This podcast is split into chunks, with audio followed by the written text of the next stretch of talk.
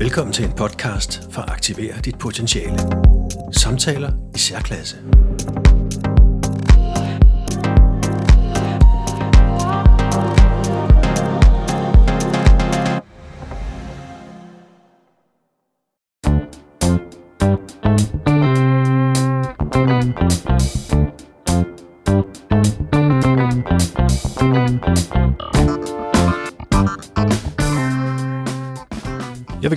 Læse en lille bog op, jeg har skrevet på et tidspunkt. Den hedder Der er ingen motor i et hamsterhjul. Et nyt syn på stress i arbejdslivet. Øhm, sådan rent praktisk har den et ISBN-nummer, der hedder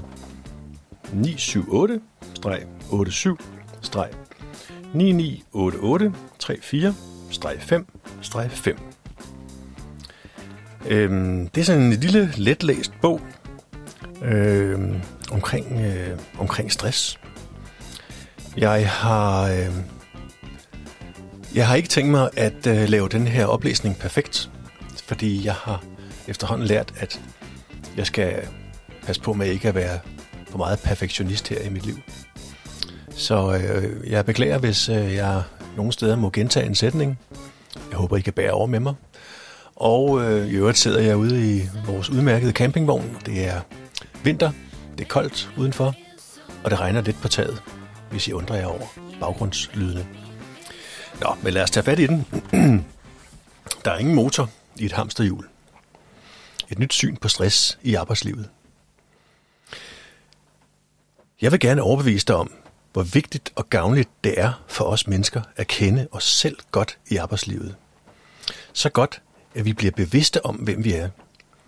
Hvad vi egentlig trives med og mistrives med. Hvad der er godt for os og hvad der er skidt for os. Lytte til os selv. Med det formål, at vi alle sammen kan få det bedst mulige arbejdsliv. Til glæde for arbejdstagerne, men også for arbejdsgiverne. Der er efterhånden skrevet uendelig meget om trivsel og stress.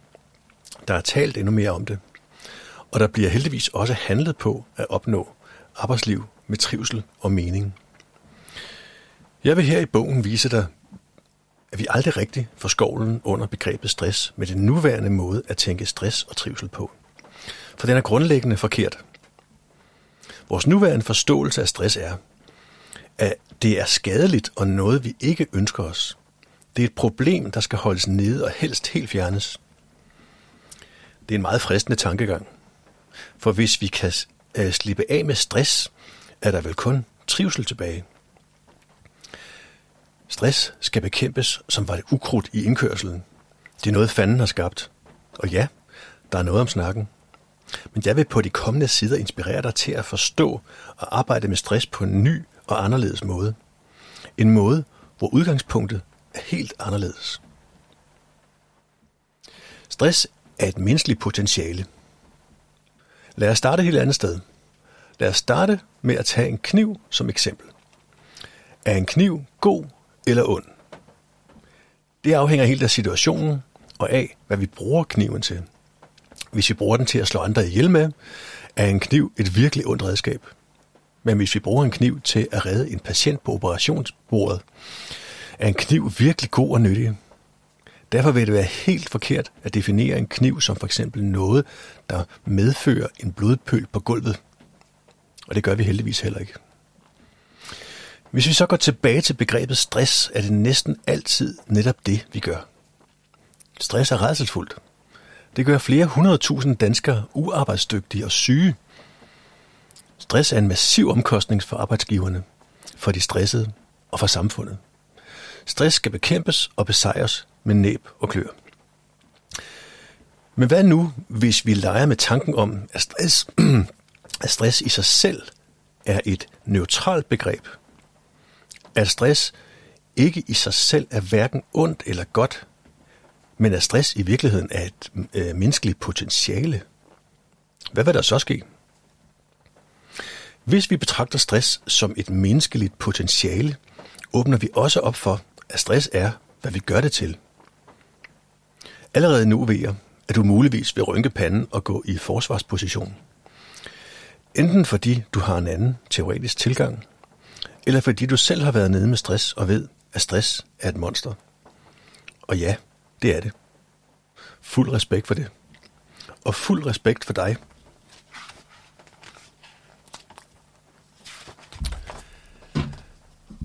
Der har gået, eller lige nu går igennem det helvede, stress kan være. Det er ikke til at spøge med. Så lad mig derfor forklare, hvad jeg mener med potentiale. For det er nok ikke lige begrebet potentiale stressramte vil forbinde med begrebet stress. Nok snarere det modsatte.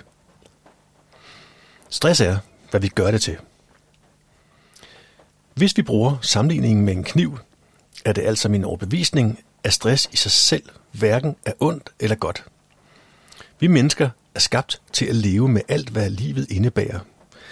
Vi er faktisk også lavet til at blive brugt. En løbetur er sund for os, selvom den også slider på os. Men et ultraløb på 100 km er ikke sundt. Et stærkt hjerte kræver, at vi vedligeholder og træner kroppen. At vi presser den. Hvis vi er på vej op af kirkegulvet til vores eget bryllup, banker hjertet kraftigt. Vi er stresset. Når vi spiller fodbold, eller bare ser det på skærmen, er vi i en stresssituation. En hver arbejdsgiver vil forvente, at deres medarbejdere er der for at arbejde. Arbejde kræver ubalancer og visse former for stress for at kunne lade sig gøre. Vi kan ikke engang rejse os op og gå, medmindre vi starter med at læne kroppen lidt fremover. Så sætter, vi kroppen, øh, så sætter kroppen automatisk det ene ben foran det andet, og vi bevæger os ved hjælp af en ubalance. Det er faktisk meningen, at vi skal bruge og stresse vores krop og hoved gennem hele livet. Det er et vilkår for at leve. Alternativet ville være, alternativet ville være at vi flyttede i kloster i Nepal og hele dagen sad helt stille og kiggede ud over bjergene, uden at tænke i øvrigt. Det er garanteret en god oplevelse et stykke tid, men det er efter min mening også en virkelighedsflugt. En flugt fra livet. Så min forståelse af stress er, at stress er, hvad vi gør det til. Og her er der ingen one size fits all. Det er en vigtig pointe. En pointe, jeg vil demonstrere på de kommende sider. Jeg inddeler stress i fjendtlig og venlig stress. På den måde er stress ikke længere et monster i sig selv. Nu kan vi arbejde med begrebet i stedet for at flygte, i stedet for at frygte stress og prøve at nedkæmpe det uanset indholdet. Den fjendtlige stress. Til trods for, at kroppen delvist lukker ned for vores sanser, når vi er stressede, tør jeg godt våge den påstand, at vi alle øh, i situationen er helt med på, hvad fjendtlig stress er. Det er jo et snedigt træk fra naturens side at skære en del af sanseindtrykkene fra, for nu skal der fuld fokus på situationen, ikke på vores trivsel. Det er svært at sætte ord på det, og i øvrigt helt individuelt. Man siger, at stress er ordløst, og det giver god mening. Til gengæld har vi vores sanser, intuition og mavefornemmelse til rådighed, nu hvor ordene slipper op. Og det er næsten altid her, det går galt. For vi bruger dem ikke. Det er ret utroligt. Sanserne er vores eneste adgang til verden. Vores intuition og mavefornemmelse er en syntese af millioner af indtryk, livserfaringer og indsigter, der bliver serveret lige foran os. Men vores arbejdskultur lægger ikke, øh, tillægger ikke den slags værdi. Det er svært at bruge sin mavefornemmelse som argument i en savlig debat. Jo mindre vi bruger den, øh, jo mindre vi bruger det, vi har til rådighed, jo mindre stoler vi på os selv. Og til sidst har vi helt glemt alle de signaler, der skal hjælpe os på vej. Vi har mistet os selv. Tilbage er kun arbejdslivet som den konstruktion, det er. Og i den situation er det oplagt, at vi ikke længere er i stand til at stoppe os selv eller sige fra over for andre. For, så vi fortsætter den nedadgående spiral. Den, der dannes hver gang vi gør noget, vi ikke skulle have gjort. Men uden at sanse det. Hvor vores sanser lukker endnu mere ned, fordi vi nu er stressede på den fjendtlige måde. Og en dag risikerer vi at holde i nødsporet på motorvejen, uden at ane, hvor vi er og hvad vi laver. Alle alarmlamperne var skruet ud. Og vi gjorde det selv. Det lyder dramatisk. Og når jeg fortæller folk historier, når jeg fortæller folks historie videre, er der mange, der ikke tror på, hvor ekstremt det kan blive. Hvis du selv har været nede med stress, ved du, hvad jeg taler om. Den venlige stress. Den venlige stress er den, der driver os fremad. Hvis vi arbejder med en spændende opgave, kan vi måske mærke hjertet banke, og vi er på. Det kan godt være, at der er en deadline forude, og vi kan høre og se kollegaer arbejde fokuseret. Hvis, op, hvis opgaven også virker meningsfuld, er det et eksempel på venlig stress, i hvert fald for en del mennesker. Det kan også være, at du lige nu begynder at stresse bare ved tanken om den slags situationer. Jamen så er det ikke venlig stress for netop dig. Måske er den venlige stress for dig at få lov til at sidde i fred og fordybe dig om en opgave. Helst uden deadline, hvor du selv definerer, hvornår opgaven er færdig. Eller den variant, at du netop ikke selv skal definere, hvornår din opgave er færdig. For ellers bliver du ved med at arbejde, indtil du virkelig er stresset. Af den simple grund, at du har svært ved at vurdere, om det er godt nok, og om du er god nok. Det er du nok ikke. Så du må hellere fortsætte. Igen, manglende selvindsigt. Den venlige stress er den, der sørger for initiativerne i livet. Den slider lidt på os hver gang. Sådan er livet faktisk indrettet, men på en god måde. Hvad er nu hvad? Djævlen ligger i detaljen. For hvordan kan vi vide, om vi bruger os selv på en venlig eller en fjendtlig måde? Jeg har ikke svaret, men jeg leder efter det. Umiddelbart er det enkelt.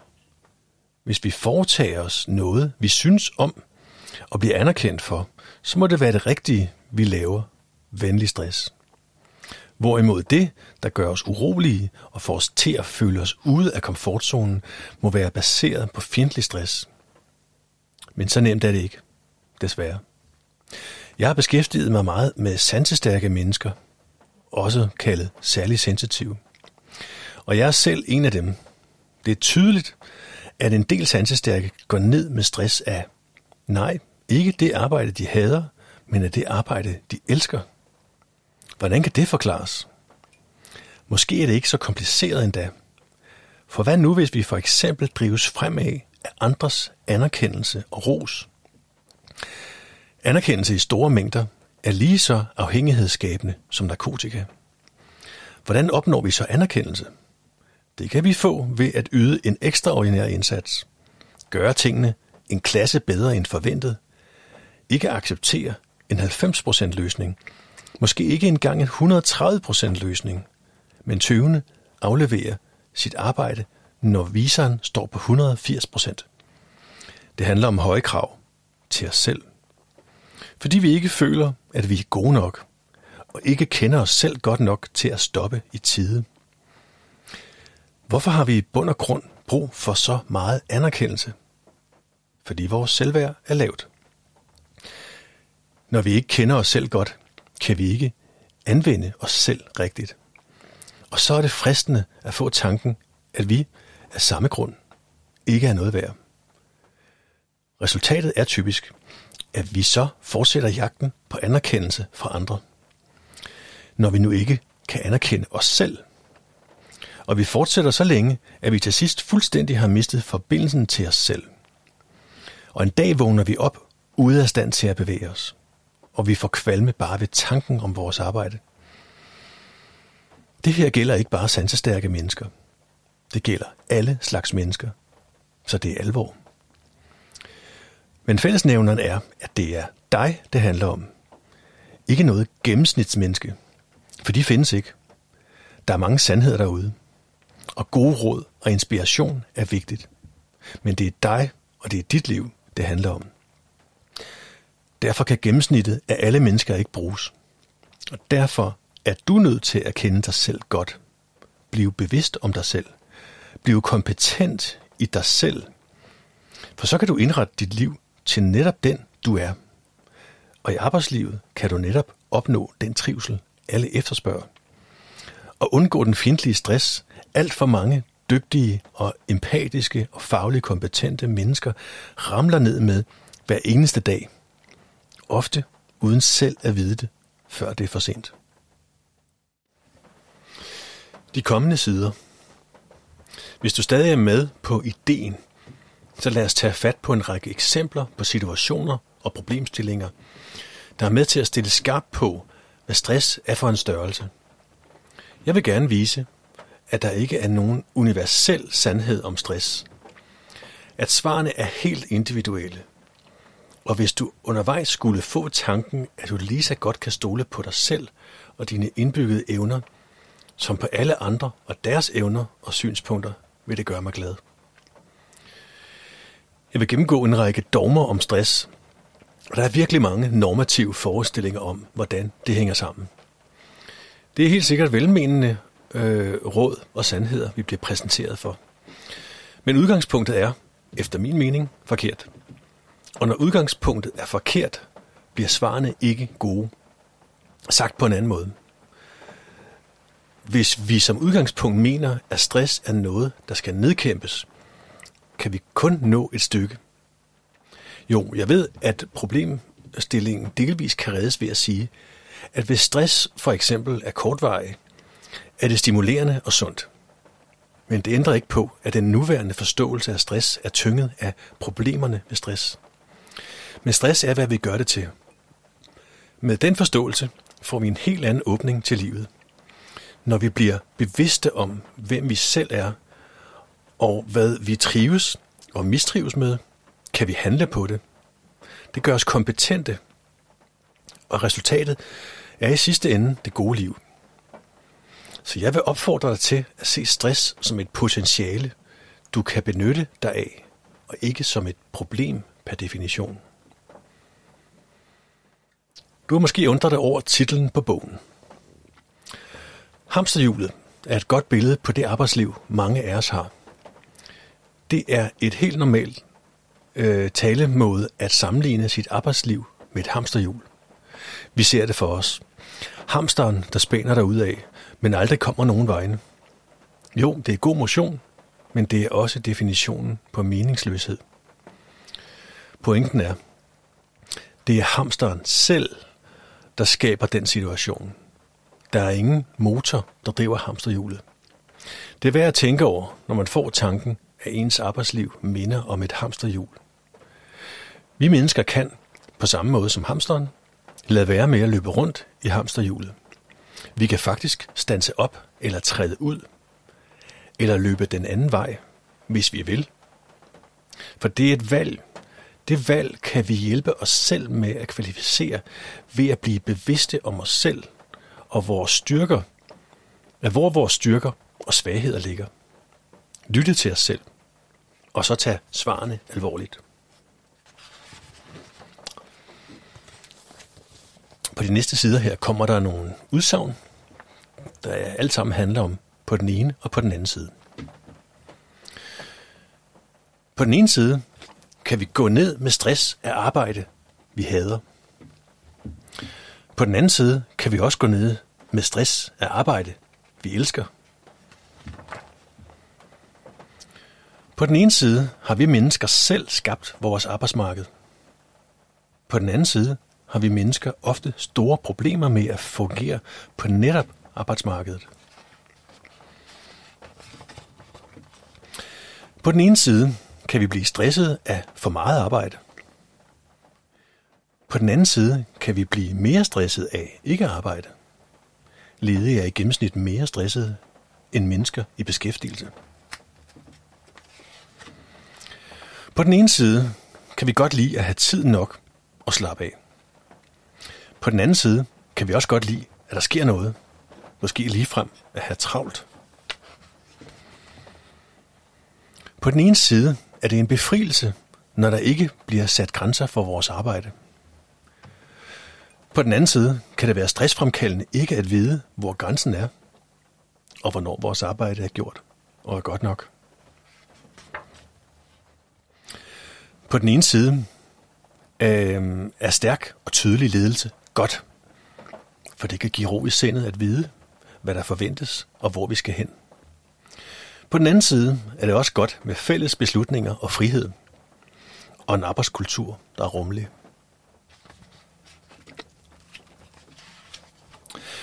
På den ene side er det vigtigt, at vi tager vores arbejde alvorligt. På den anden side er det også vigtigt, at vi tager os selv alvorligt. På den ene side kan stressproblemer komme over langtids mistrivsel og ubalance. På den anden side kan fjendtlig stress også vise sig pludselig. På den ene side kan man forestille sig, at stærke og dygtige medarbejdere ikke går ned med stress. På den anden side viser det sig ofte, at det netop er de dygtigste og mest passionerede medarbejdere, der får stress.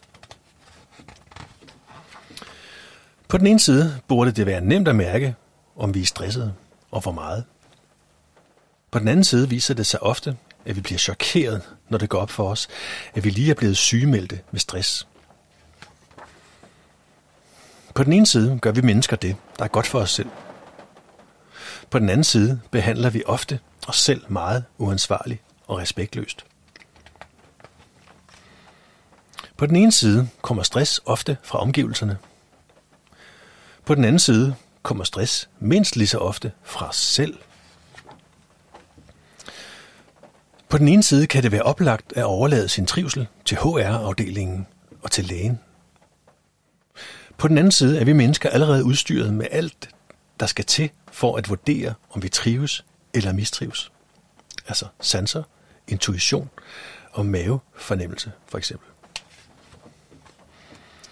På den ene side vil vi gerne have balance og stabilitet i arbejdslivet.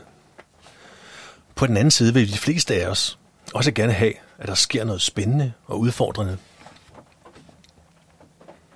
På den ene side kan man sige, at trivsel er stressens modsætning. På den anden side vil et arbejdsliv uden venlig stress både være kedeligt for en selv og ubrugeligt for en arbejdsgiver. På den ene side kan konflikter virke meget stressende for nogle mennesker. På den anden side har andre mennesker det fint med konflikter. På den ene side giver det kun mening at betale mennesker for at udføre meningsfuldt arbejde. På den anden side oplever rigtig mange mennesker, at deres arbejde forekommer meningsløst.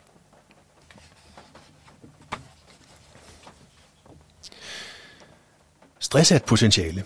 Brug det rigtigt. Du er unik, ligesom alle andre. Det, jeg gerne vil pointere, er, at vi alle er forskellige. Der er ikke én løsning, der passer til alle. Hverken når det gælder, hvad det gode arbejdsliv er, hvad mistrivsel på arbejdet er, eller hvordan vi bedst kommer ud af en stressnedtur. Og derfor er den naturlige forlængelse af den konklusion, at vi hver især må sikre os, at vi behandler os selv godt som mennesker. At vi tager vare på os selv. For at det kan ske, er vi nødt til at sætte os ind i os selv. Forstå os selv. Finde ud af, hvad der er godt for os, hvad der er dårligt for os, hvor vi har vores styrker og svagheder, og hvordan vi undgår at snyde os selv. Altså blive bevidste om os selv. Og derefter skal vi øve os. Det er vejen til at blive livskompetent. Vi kan starte med at forholde os anderledes til os selv. Begynd med at mærke efter, hvordan du egentlig har det, de fleste af os er utrænede i den slags, så have tålmodighed. Mærk efter, hvad der sker, når du tænker på dit arbejde, dine opgaver, dine kollegaer, dine egne krav og forventninger osv. Mærk efter i maven. Kan du mærke, om det kilder, eller om maven snører sig lidt sammen, når du tænker på noget øh, på dit arbejde? Så tag det alvorligt. Det er et spejlbillede af det, der ubevidst foregår i baghovedet. Og tag din intuition alvorligt. Ikke altid, for den kan også snyde dig. Men stol som udgangspunkt på din intuition. Einstein sagde, at vores forestillingsevne er det mest værdifulde, vi mennesker har. Men du behøver heller ikke en forskers ord for at aktivere det potentiale. Du skal bare tage det alvorligt. Hvis du vil lave en helt simpel indstigningsøvelse, så start med at trække vejret. Rigtigt. Jamen, det har jeg jo gjort hele livet, vil du måske indvende. Har du? Eller har du bare taget det for givet? Noget så simpelt som rigtig vejrtrækning kan fjerne en masse fjendtlig stress, og i øvrigt give en masse energi. Øh, er det for godt til at være sandt? Nej, tænk på, at hvis du kan få for eksempel 10% mere ilt i blodet, så vil det give dig så meget energi, at du slet ikke behøver kaffe på arbejdet. Det er gratis. Og det er et potentiale, du kan aktivere, hvis du vil, og vil øve dig. Så er du i gang. Og jo mere du bruger de potentialer, du var udstyret med fra fødslen, jo mere vil du trives, og jo mere vil du kunne stole på dig selv. Jo mere vil du sætte pris på dig selv. Hvorfra kommer den idé? Ideen om, at stress i sig selv ikke er et værdiladet begreb, kommer oprindeligt fra arbejdet med sansestærke mennesker. Jeg har hele livet opfattet mig selv som forkert skruet sammen til verden. I skolen, på studiet, på arbejdsmarkedet, på diskoteket osv. Ved et tilfælde fandt jeg ud af, at der ikke er noget galt med mig. Jeg er bare lidt anderledes end de fleste. Jeg har skrevet et par bøger om emnet, og på et tidspunkt gik det op for mig, at rigtig mange sansestærke mennesker slet ikke opfatter deres karaktertræk som en styrke, et potentiale. Til trods for, at sanserne er vores eneste adgang til verden. Rigtig mange oplever kun ulemperne, og ja, dem er der bestemt mange af. Det gik op for mig, at fællesnævneren er, at stort set ingen sansestærke har nogen indsigt i sig selv. De er, hvad skal man sige, ubevidst inkompetente, og de er generelt ikke interesseret i at blive kompetente, i at få indsigt i sig selv. Og det undrer mig virkelig, for det er godt nok svært at gøre det, der er rigtigt for ens selv, når man ikke ved, hvad der er rigtigt og forkert. Det svarer til at prøve at finde til Rom uden kort eller GPS. Ja, jeg ved, at alle veje fører til Rom. Men hvorfor ikke gøre sig selv den store tjeneste, at lære sit indre landkort at kende? Hvorfor bare satse på, at det er nok at være en fagligt dygtig medarbejder med et omfattende CV? Når jeg lige opsummerer, er det i hvert fald et sats. Omkring 8 ud af 10 sansestærke mennesker, jeg har mødt, har været nede med stress. Og så slog det mig. Jamen det er jo fuldstændig samme situation. Mennesker med stressproblemer er fuldstændig lige så uvidende og ubevidste om den måde, de bruger sig selv på som sansestærke er om deres karaktertræk. Og på den måde, de bruger sig selv på. Eller misbruger sig selv på. Stress er et potentiale. Det er, hvad vi gør det til. Stress er et livsvilkår. Stress er, hvad vi gør det til. På samme måde som med kniven. Den er ikke god eller ond i sig selv. Den er, hvad vi gør den til. Rigtig mange oplever et alt for travlt arbejdsliv, og stress bliver ofte forbundet med travlhed. Hvordan kan det så forklares, at ledige er mere stressede end folk i arbejde? Hvis vi bruger den nuværende forståelse af stress, kan det heller ikke forklares. Her vil man sige, at ro og tid og fravær af arbejde vil være godt for en. Men hvorfor er vi så mere stressede, når vi ikke har noget arbejde? Jeg ser sådan på det, at når vi er ledige, har vi alle mulige gode grunde til at dyrke den fjendtlige stress. Vi mister status, vi mister indtægt, vi mister selvværd, vi mister kontrol. Vi er ikke længere en del af et fællesskab. Vi mister samtaleemner, og så videre. Det er en helt anden kategori af problemstillinger, end hvis vi er i arbejde. Og det vil helt sikkert, og det vil være helt forkert at tro, at det modsatte er for eksempel en travl hverdag, er det samme som en fredfyldt hverdag, hvor vi stortrives. Nej, menneskelig trivsel skal søges et andet sted. Jeg er ikke spirituel. Men jeg mener dog, at den starter og slutter i os selv. Og her kommer den helt gode nyhed. Når det foregår i os selv, kan vi også gøre noget ved det. Vi kan, vi kan handle på det. Vi kan udvikle os. Jamen hvordan? Start med at sætte pris på dig selv. Så er den rigtig. Så kommer resten af sig selv. Eller gør det omvendt. Så kommer selvværd som et resultat. Jeg har ikke svaret til dig. Det har du. Det var slutningen af bogen. Tak for, at du ville lytte med.